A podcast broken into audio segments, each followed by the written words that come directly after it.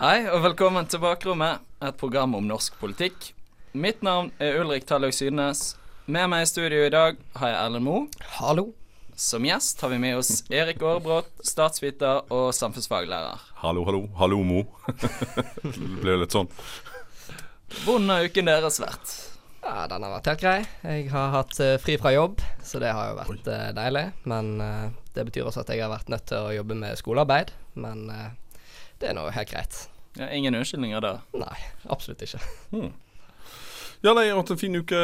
Nå er det jo høstferie, så det er jo fint. Da får man jo tid til å liksom eh, lese litt uh, lengre tekster og, og holde på med ting som man har glemt uh, tidligere i år og sånt. Vi skal i dag snakke mye om statsbudsjettet. Uh, vi skal også ha med et lite innslag om uh, Hadi Indie slash Giske-saken. Vi er snart tilbake. Jeg heter Jonas Gahr Støre, eh, og når jeg er i Bergen, og hvis jeg kan, så lytter jeg på Bakrommet, studentradioen i Bergen. Regjeringen har presentert eh, et nytt forslag til statsbudsjett. Vi skal gå igjennom litt hovedtrekker nå. Eh, er det noen spesielle ting dere legger merke til? Mm, en ting jeg har lagt merke til, det er at forsvarsbudsjettet har økt. Eh, og det som er interessant med det, syns jeg, er at eh, Nato har jo eh, kommet med et krav om at alle medlemsland må bruke minst 2% av BNP på forsvaret sitt. Og spesielt USA har jo pushet dette ganske hardt. Men eh, Norge er da ennå bare på 1,8 av BNP. Og jeg hørte i Politisk kvarter for ikke så altfor lenge siden Mm. at eh, de, eh, de ble spurt om hvis Norge får det forsvaret vi faktisk trenger, kommer vi da til å bruke 2% hvis vi ikke trenger det? Og eh, det ville de ikke svare på. så jeg, jeg syns i hvert fall det er interessant, da. Det, altså, eh, akkurat den saken der litt på samme sending. Og, eh, det er jo sånn, litt sånn større poeng rundt statsbudsjettet òg, med at det er utrolig mye la oss si, retorisk jokk eh, rundt den eh, hendelsen det er. Og, og Det der er egentlig et ganske godt eksempel på hvordan både politikerne og journalistene går inn i en slags sånn rituell runddans, der eh, det handler om å arrestere eh, hverandre. og litt sånn. Og- og er sånn, Jeg syns egentlig eh, eh, godeste Bakke-Jensen eh, svarte ganske godt for seg med at liksom, ja, men selvfølgelig så vil jo på en måte den, det prosentmålet være avhengig av konjunkturer og på en måte hvor stort det Og spesielt i Norges tilfelle, når vi har eh, oljemilliarder som går inn og ut, og liksom på en måte hvor stor, hvor, eh, stor eh, eh, den budsjettposten er, eh, vil avhenge av det. Og dermed blir det liksom på en måte Ja, det er ikke bare det vi skal måle forsvarsevnen vår etter, da. Det, det må jo også være liksom den operative muligheten til faktisk å forsvare landet. Så oppfølgingsspørsmålet der syns jeg var mye mer interessant. Om vi faktisk kan forsvare landet. Og mye mer bekymringsverdig at forsvarsministeren ikke kunne konkludere om hvorvidt vi kan forsvare landet eller ikke, før han hadde ventet på en rapport som skulle komme ut om en uke. Den er jo ute nå, men det var akkurat samme spørsmålet da som, eh, eh, som det er nå. Og vi Det var vel forsvarssjefen der som kom ut og sa at vi trengte mye mer hvis vi skulle forsvare oss. Ja. En hel bataljon til, til og med. Men det er jo Det er alltid ting man kan klage på ved statsbudsjettet, men du vet jo òg at det er alltid noen sånne som kommer. Fra venstresiden så blir det alltid det er, Dette forsterker Forskjells-Norge. Du får noen fra som klager på klima. Du får du, du vet liksom litt hva som kommer når Senterpartiet kommer og klager på at dette er sentralisering og går utover distriktene. Altså, igjen, Vi får ta liksom på en måte den litt sånn uh, generelle uh, kritikken uh, her, da. Eller eh, kanskje ikke en kritikk, men en observasjon. eh, så er det jo nettopp det ritualiserte ved statsbudsjettet. Altså, og, og fordi at det er så tungt ritualisert, altså ned til det nivået at man forventer å få lekkasjer av statsbudsjettet innen sånn og så mange timer før det eh, slippes. Man møtes utenfor Siv Jensen eh, sin bolig for å eh, stille henne noen spørsmål som hun selvfølgelig ikke kan svare på. Og så videre. Eh, og, og sånn sett kan du jo egentlig si at statsbudsjettet hvert år er kanskje den minst interessante politiske hendelsen som, som finnes. For, nettopp fordi at det er så tungt ritualisert, og at det ikke egentlig er en, en mulighet for å diskutere. Diskusjonene igjen, hvis du siterer dette morgenintervjuet med Siv Jensen, så begynner jo hun på neste års uh, altså budsjettet for 20, uh, 2021 i november i år. Det er her på en måte diskusjonene foregår. Det er her de lange, tunge diskusjonene om hvordan vi skal endre på ting uh, foregår. Ikke akkurat det det slippes har man selvfølgelig politisk handlingsrom til å, å snakke om, eh, om, revidert nasjonalbudsjett og liksom i, i, det hele tatt. Men nå er vi jo faktisk i denne situasjonen at vi har et budsjett med der som fremmes av en flertallsregjering. Og det gjør egentlig bare denne, uh, denne øvelsen enda mer uinteressant. Vi er snart tilbake med mer om statsbudsjettet etter dette. Hei, jeg heter Harald Viktor Hove, og du lytter til Bakrommet på Studentradioen i Bergen. Vi skal snakke litt om uh, høydepunktene. Hvem er vinnerne fra dette statsbudsjettet? Erlend? det norske folk, kom igjen. jeg er representativ for alle. Mm, ja, hvem som er vinnerne? Uh, nei, altså Det går jo an å si at uh, Hva skal vi si uh, Barnefamilier, kanskje. Fordi de har jo fått uh, bl.a. Uh, økt barnetrygd. Så de får jo mer penger der. Og um, noe jeg fant som jeg syns var litt gøy, det er at uh, de har lyst til å tilby førstegangsforeldre samlivskurs for å um, lære de egentlig hvordan å oppdra barna og ha det fint sammen. Og uh, jeg syns i hvert fall at det minner ganske mye om f.eks. Uh, Høyre gikk jo på valgkamp nå med at uh, det skulle bli bedre lærere og bedre oppfølging av barna, kontra Arbeiderpartiet som ville ha gratis skolemat. Uh, og eksempel elever i 5. til 7. trinn med særskilte behov. Jeg vet ikke hva de legger i særskilte behov, men uh, ja. Uh, de skal i hvert fall få gratis SFO. Og uh, det er også blitt satt et tak for hvor mye SFO skal koste for første og andre klasse. Og det var at det ikke skulle være høyere enn 6% av husstandens inntekt. Så det varmer jo et uh, venstresidehjerte. Ja. Erik? Nei, altså, eh, La meg ta, påta meg liksom makrorollen her, jeg, da. Eh, eh siden, siden Erlend eh, gjør eh, detalj, detaljarbeidet. Eh, fin arbeidsfordeling, det, altså. Eh, så jeg må jo faktisk si at jeg er ganske la, Hvis vi skal på en måte gi litt skryt her nå, da, så ville det jo vært normalt å tenke at fordi at de nå har et flertallsregjering, så ville de også fordele ut mer penger til alt og alle i regjeringen. og det, det, er klart at både spesielt med bompengeopprøret, så har Frp sine, sine eh, kjernesaker der. Venstre har eh, miljøpolitikk og KrF eh, familie- og sosialpolitikk. Så det, det, det, er områder som potensielt kan sluke ganske mye, mye penger. Men nå greier de jo faktisk da å, å, å, gå ned både i absolutte tall og i prosentmessige uttak av, av Statens pensjonsfond utland eh, i forhold til bruk av oljepenger inn i årets, årets budsjett. Vi har jo fremdeles altså 200, nesten 250 milliarder kroner som kommer fra oljefondet. Så det er jo liksom på en måte Vi er ikke blitt mindre, la oss si, uh, oljesmørt uh, uh, det, det, siste året. Men, men det, er, det, er interessant at de, at de, faktisk greier innenfor flertallsprosjektet å, å holde en restriktiv, relativt sett, budsjettpolitikk. Ja, en av tingene som de ble enige om i høst, var jo det her eh, bompengeforliket. Og da får vi jo Vi som er glad i kollektivtransport, vi får jo en del i dette her budsjettet. Um, da går staten går for å betale 50 til 66% for viktige kollektivtilbud i de store byene. Her i Bergen er det bl.a. Bybanen til Fyllingsdalen. Og det er også foreslått 300 millioner kroner til reduserte billettpriser for kollektivtransport. Du mye buss, eller? Uh, mye bybane. Mye bybane Jobber ja. ute på Flesland og bor på Møhlenpris.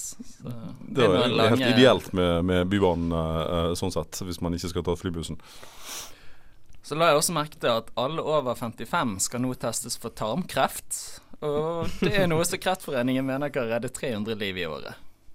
Ja, hva er, Har de noe estimat på hva, hva kostnaden er? Jeg har ikke sett det, men noe penger blir det nok.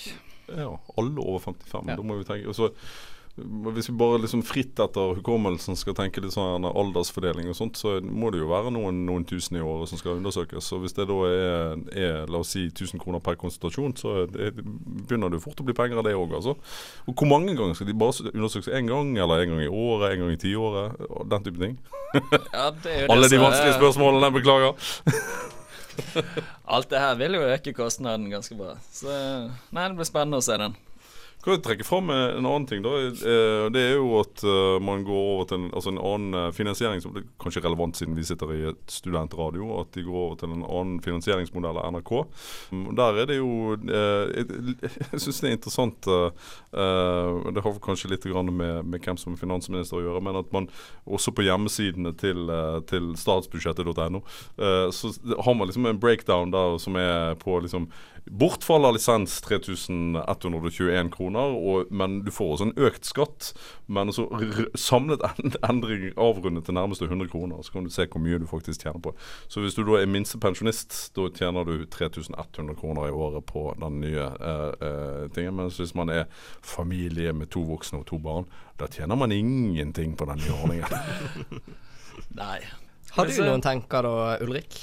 Ja, eh, noe annet jeg så, var jo at eh, generelt på helse skal det brukes mye penger. Eh, sykehusene får 1,6 milliarder mer til neste år. Det skal bl.a. brukes eh, til å investere i nye sykehusbygg og skal få ned ventetiden. Eh, det skal også brukes 400 millioner på eh, sykehjem. Både bygge nye og pusse opp. Og det, eh, planen er at det skal gi 2000 nye heldøgnsplasser. Ja, når vi først er inne på um, si, eh, helse, så kan vi si også at eh, det skal bli dyrere å gå til fastlegen. At um, uh, den egenandelen, heter det vel, den skal økes, eller maksprisen på den skal økes. Uh, og at det skal bli dyrere med briller til barn. Og noe som har vært snakket i hvert fall en del om, det er jo dette med at eh, barn som trenger regulering av eh, det de kaller kosmetiske grunner, skal ikke lenger få støtte. Eh, og det er regnet ut da at det i dag er ca. 30 000 barn som får støtte, men med disse endringene så det, reduseres det til 20 000 barn årlig. Og så har det vært ganske mye frem og tilbake om dette her skaper mer press eller mindre press osv. osv. Og, og jeg, jeg vet ikke helt hva jeg synes om det. Nei, eh, jeg er også litt usikker. Jeg så på det med briller, så eh, var det hadde, Før hadde det ikke vært noen satser på hvor mye staten ville sponse. Nå er det satt eh, 1200 kroner for vanlige briller og 2400 for sånne ekstra tilpassede briller. Ja, er det sånn hvis du har skeive hornhinner eller noe sånt? Eller? Sikkert, eller at du er veldig nærsynt, f.eks. Men eh, før har det ikke vært noe satser på det, så da har det vært noe ganske dyre briller inni der. Uh, det står siden staten anslår de skal spare jeg tror det var rundt 120 millioner på det, her, men da regner jeg jo med at prisen vil gå opp for en del familier. Igjen, her er jo en, sånn, en, del av disse sakene eh, Her skulle jeg gjerne ha satt noen, noen faktiske tall på det. eh, men her er det jo liksom også en sånn en medial hyperbol da, som, som kommer. At man finner den ene personen som har en datter som har et behov for briller som er dyrere enn på en måte den makssatsen, og så kjører man den. Men her er det jo en, en snittankegang. Og så er det jo ikke helt umulig å, å forestille seg altså at på en måte hvis du er en, eh, optiker eller øyenlege at liksom sånn ja, men det er viktig at du bruker disse brillene. ikke sant? Og så argumenterer man i og for seg godt, ikke sant? at man sier eh, ja, men da er, spiller det en, en rolle at det, at det også ser bra ut. ikke sant? Altså liksom på en måte La oss si sosial status på skolen og, og, og den type ting. Så vi kjøper heller noen litt finere briller, sånn at vi sørger for at vedkommende bruker brillene osv. Så, videre, og så, så alt, alt i alt ikke dumme tanker, ikke sant? men det er jo også selvfølgelig kostnadsdrivende i forhold til, uh, i forhold til eh, eh, totaliteten i det. Uh, men her er jo også litt sånn Igjen, det er liksom, Noe av det litt sånn kjedelige ritualistiske her. Da, at man leter med lys og lykter etter å finne den ene saken som, som kan på en måte uh, gjøre en forskjell. Vi skal snakke mer om statsbudsjettet etter en liten pause. Mitt navn er Peter Frølik, og du lytter til Bakrommet på Studentradioen i Bergen. Velkommen tilbake til bakrommet. Vi eh, skal nå snakke litt om de største kontroversene i statsbudsjettet. En av sakene som i hvert fall har kommet opp mye, har jo vært det her kuttet i arbeidsavklaringspenger for unge under 25 år. Da har det vel vært snakk om at det skal reduseres med 60 000 kroner i året. Det nevnes faktisk helt spesifikt i, uh, i Dagens Næringsliv uh, denne uken her også. Bård Bjerkholt har en, uh, har en kommentar der han da snakker om på en måte begrunnelsen for å gjøre det, og støtter seg ganske la oss si, tungt på Holden-utvalget og liksom snakker om det. der er det jo altså kontroversen hva er uh, uh, igjen at det, sånn, eh, Hvis du skal ta igjen makroblikket, da, så er jo kanskje eh, noe eh, Det interessante rent sånn statsvitenskapelig er jo hvor mye er det man lener seg på ekspertutvalg til å drive eh, politikk. hva er da forskjellen mellom på en måte byråkrati og politikere hvis du hele tiden har et ekspertutvalg? Men, men det er klart at de argumenterer jo i og for seg ganske godt for seg når de sier at en del av det initiativet handler om at det ikke skal lønne seg å uh, gå på arbeidsavklaringsmidler versus på en måte søke, uh, søke arbeid. Så en, en, Den typen justering der, ja jeg, jeg, igjen, er liksom på en måte Jeg håper jo disse, disse, justeringene også medfører at man gjør en undersøkelse på effekten av dette her. Men at man skal ha anledning til å justere dette her, er jo ganske åpenbart, tenker jeg. Ja, for det jeg har hørt som er si, begrunnelsen for dette, mm. det er jo at uh, nettopp det du sier, at du skal ikke lene deg på det, og skal, det skal ikke være bedre enn å søke arbeid. Og uh, en del av uh, begrunnelsen da er at veldig mange lignende ordninger for den samme gruppen har nå, altså nå når arbeidsavklaringspengene er kommet ned, nå på samme nivå, at det ikke da skal ikke være bedre å være på én ordning enn den andre. Uh, og jeg òg er jo veldig nysgjerrig på om dette her faktisk kommer til å fungere, fordi jeg Jeg, jeg har hørt Jeg tror det var Audun Lysbakken som var ute og sa og kritiserte dette ganske hardt, og mente det at um, det er ingen som faktisk lener seg på dette. Dette er folk som er Altså folk som faktisk søker arbeid. At dette bare gjør det enda vanskeligere å søke arbeid. Mm. Men jeg er også veldig nysgjerrig på om dette her faktisk kommer til å fungere.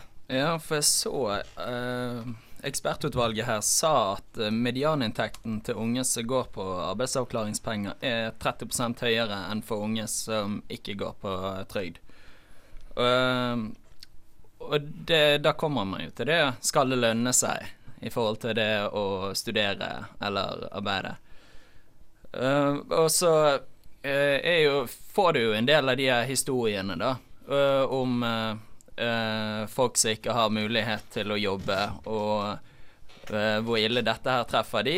Men samtidig så påpeker jo utvelget at uh, mange av de som går på AAP, har litt mer diffuse problemer med mestringsutfordringer, lav selvtillit og sånt. Ja.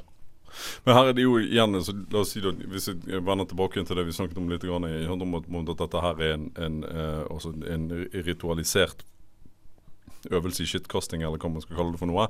Fordi det er jo klart at uh, skal du ha en påvirkning på, uh, på dette her, så har jo denne, den, uh, denne debatten har jo pågått i to-tre år, så lenge utvalget har, uh, uh, har, fungert. Men ikke minst også på en måte hvordan det pløyes etter utvalget leverer rapporten sin, og hvordan det fortolkes i Finansdepartementet, men også liksom på en måte de forskjellige underdepartementene. Men ok, hva er, det vi kan, hva er det vi kan gjøre her? Hvordan kan vi liksom på en måte finne ut av, av, av dette her? Og igjen da, så Dette er ikke en Dette er fashion for folk som er interessert i politikk, som oss tre her inne, og de, dere som hører på programmet og i det hele tatt bryter den fjerde veggen her. Eh, men, men uh, uh, det er likevel på en måte noe litt sånn noe litt sånn maktesløst, noe impotent over de diskusjonene som kommer i etterkant av, av, av statsbudsjettet. For det er, altså det, det er for seint å gjøre noe med det. Og dette er jo et klassisk eksempel på, på Ja, OK, begrunnelsen ligger i utvalget. Den diskusjonen skjedde for to år siden. OK. Men noen som ikke kan kalles for uh, tapere i dette statsbudsjettet, Erlend, det er kongefamilien. er du republikaner, Mo? Det er En liten fare for det. Ja, det er vel en liten fare for det. Regner med det. Nei. Uh, det jeg uh, leste, var jo at kongeparet de skal få litt over 400 000 ekstra i apanasje neste år. Og eh, kronprinsparet skal få ca. 350 000 ekstra i eh, apanasje. Så nå er de oppe på ca. 23 millioner eller noe sånt hvert år. Og det er jo Du lever vel godt da? Ja, Men ja, det blir et par designerkjoler av det. Ja, mulig det. Det er jo en Men, eh, trend nå, ser man eh, eh, annet hvis man følger med på, på motenyhetene, at eh, altså hertuginnen i, i uh, Storbritannia går for liksom på en måte Hennes Maurits og liksom billigklær og den type ting, for å liksom gå foran som et godt eksempel med hvordan å leve et, et, et bra og eh, sunt liv og den type ting. Så det er vel ikke helt sånn umulig at den typen trender melder seg i kongehuset også. Og så kan man jo da selvfølgelig hvis man skjeler over til, eh, til svenskekongen nå som, eh, som kuttet ut eh, en del titler for barn og barnebarn som er på feil side av liksom eh, Av en eller annen grense, som er selvfølgelig litt sånn tilfeldig. Så ja, det skjer jo noe i kongehuset òg. Så kan man jo selvfølgelig argumentere, hvis vi først har et kongehus Det er vel ikke helt hakkende gale å bruke 23 millioner på, eh, eh, på dette her. Hadde vi hatt en president eh, så har du, altså Et kostnadsbilde her er på en måte ikke det mest problematiske. Det er jo den prinsipielle diskusjonen om man skal ha kongehus eller ikke som er la oss si, den viktige her. Har vi først valgt å ha et kongehus, ja men da må vi jo Gud hjelpe meg betale for det også. Da skal de jo faktisk være litt representative og være pent utad.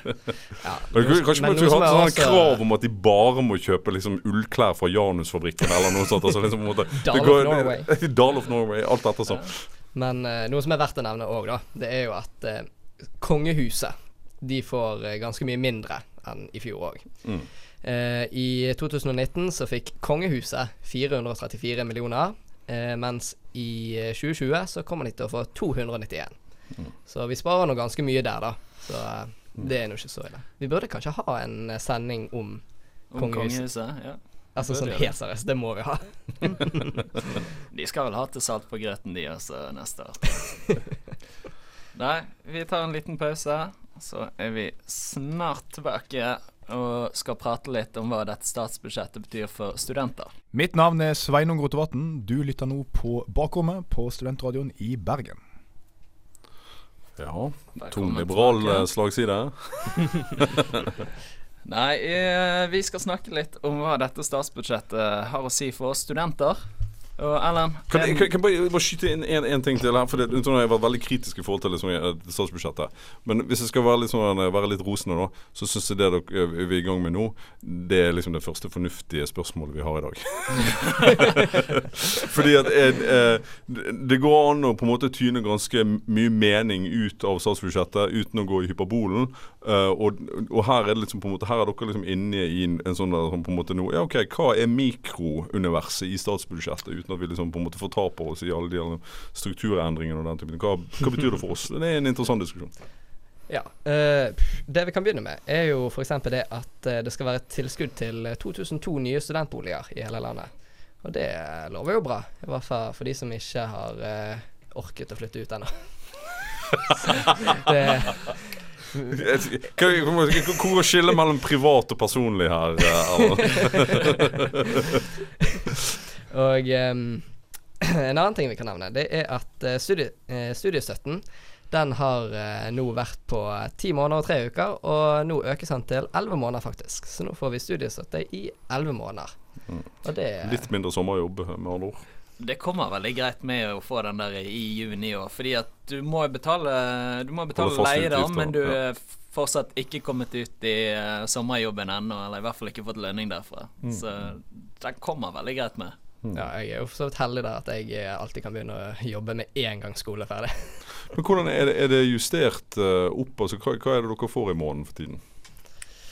Det er på 7500-7600 eller noe sånt. Det har det- gått opp ganske bra de siste årene. Eh, og det er da både stipend og lån, eller er det bare stipend? Eh, det de har gjort, det er at eh, du er nødt til å fullføre en grad For for normert tid. Ja, for å kunne få det til å bli eh, stipend, og du er nødt til å bo i, ikke hjemmefra, så du må ha flyttet. ja. Så jeg som bor hjemme, jeg får bare lån. Jo, men det syns jeg jo egentlig Helt er helt greit. Helt Ja, altså, jeg, jeg setter bare alle de pengene rett inn på en sparekonto. Knallhardt diskusjonsmiljø her nå, Ulrik. Det er litt sånn eh, Kaster du Erlend under bussen her nå? Det Nei, men altså Studentlån Hovedsakelig er det jo for at man skal ha råd til å flytte ut og leie seg et sted.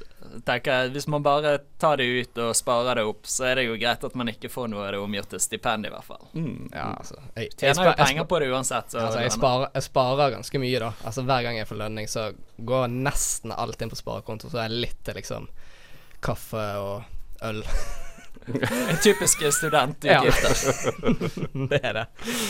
Jeg, der. jeg tror prosentmessig så må ølbudsjettet være ganske høyt når man er student. Altså, eh, tror jeg.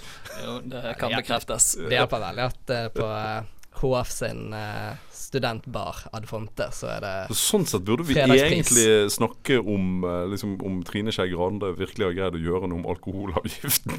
det, det, det, er jo, det er jo egentlig det altoppslukende spørsmålet vi burde ha diskutert. Ja, Jeg tror ikke det Det hadde vi hørt noe om hvis det var, hvis det var skjedd noe. Nei, for det har ikke skjedd så mye der. Det, avgiftene har gått opp eh, 1,9 og 2% på eh, øl, vin, sprit. Eh, og det er egentlig bare i takt med forventet prisstigning, så det vil si det er egentlig ingen endringer. Mm. Det er egentlig det, De har jo før har de snakket om at de skal sette det opp på sprit, annet, og sette det ned på øl, for å endre litt konsumeringen. Mm, mm. Men uh, Ja, ser ikke faktisk med samme trend som i Russland. Der drikker de jo mindre og mindre sprit.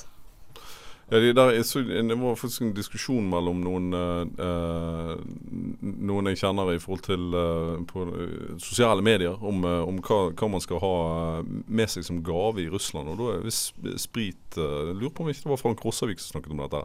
At sprit er, en, eh, litt sånn fy-fy.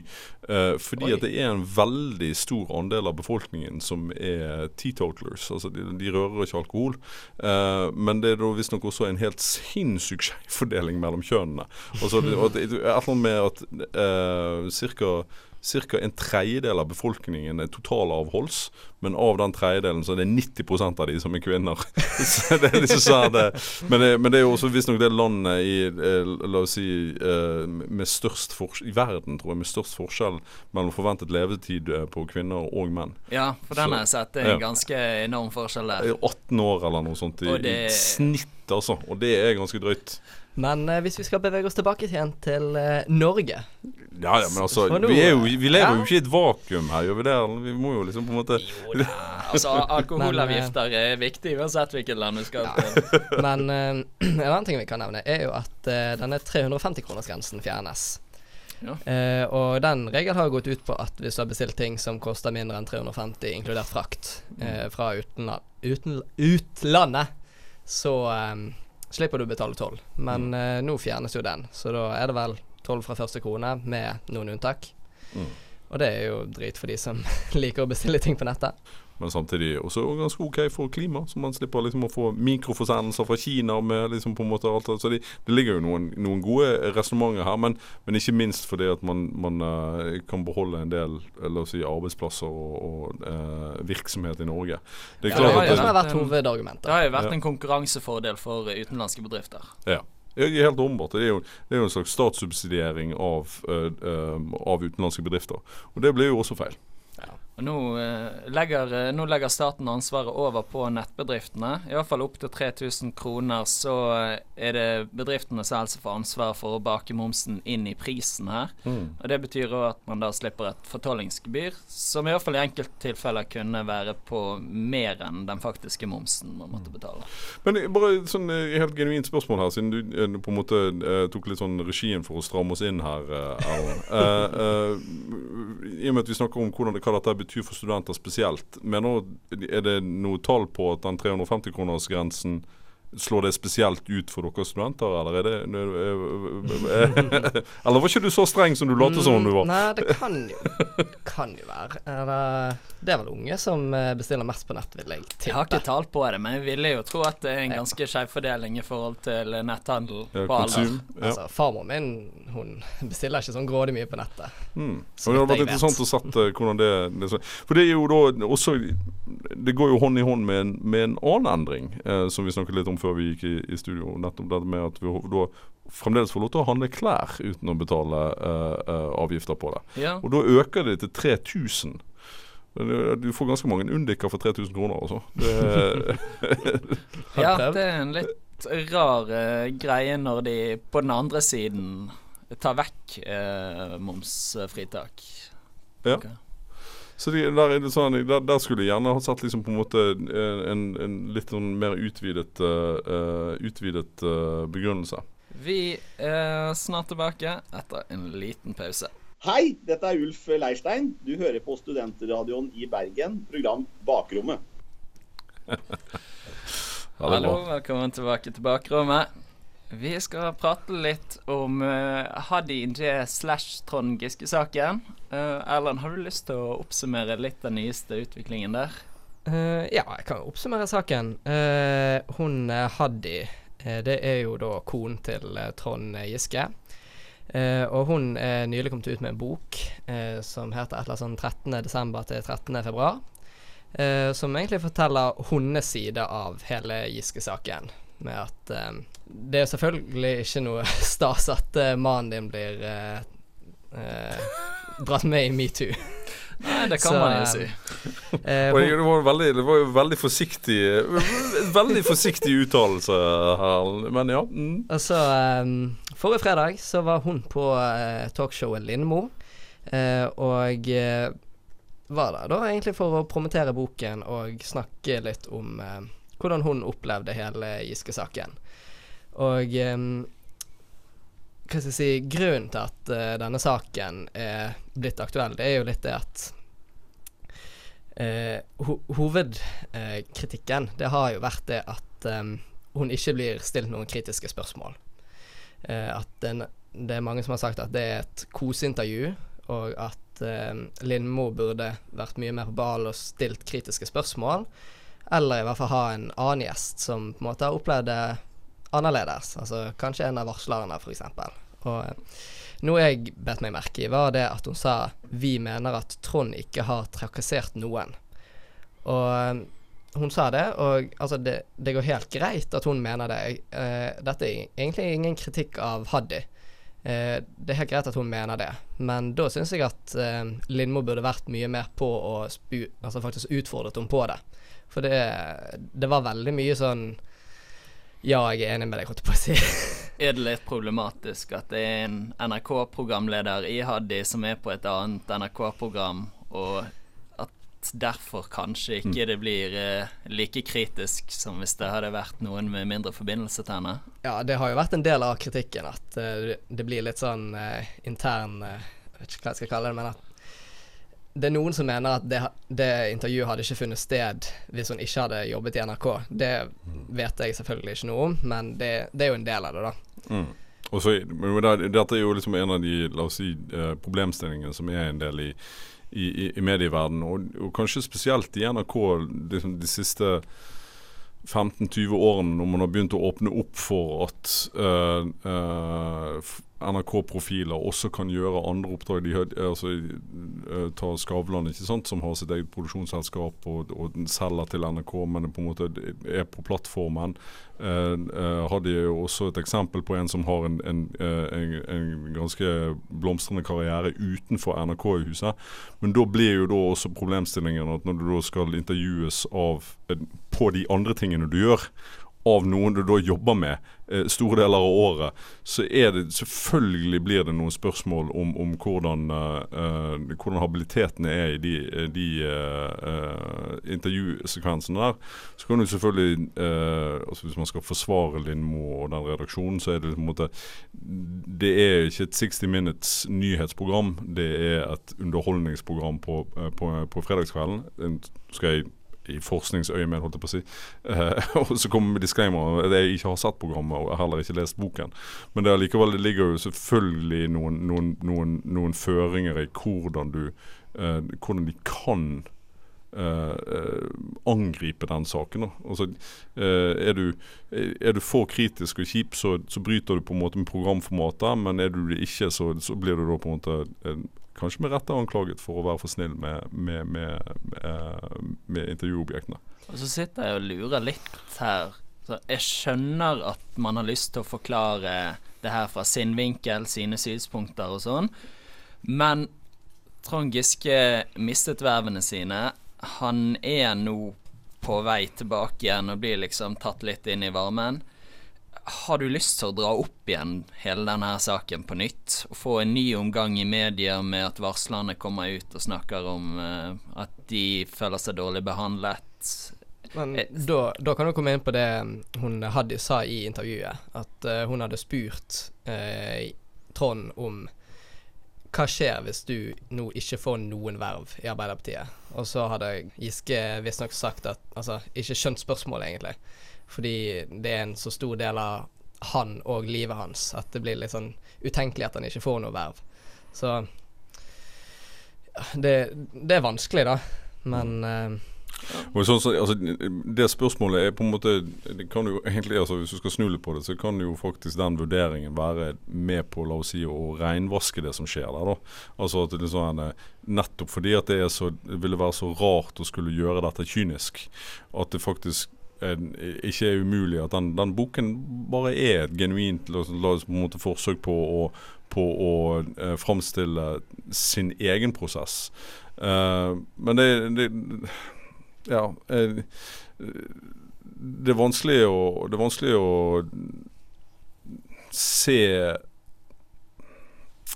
jeg, jeg er usikker på altså, det, For det, det, som, det er mange, det er mange uh, hensyn her. Altså det, måte, boken blir jo en snakkis. Så da, er det jo journalistisk er det interessant å, uh, å gjøre, gjøre noe på det. Uh, men kanskje man ikke skulle brukt Lindmo som plattform for å diskutere boken. Og kanskje hvis man gjør det, så burde man kanskje ha, ha invitert Oma inn eller noe i den duren. Altså at du får en reell brytning på de to sidene i saken. Da, siden det er en, la oss si, en kontroversiell i hermetegn eh, eh, eh, sak sånn sett.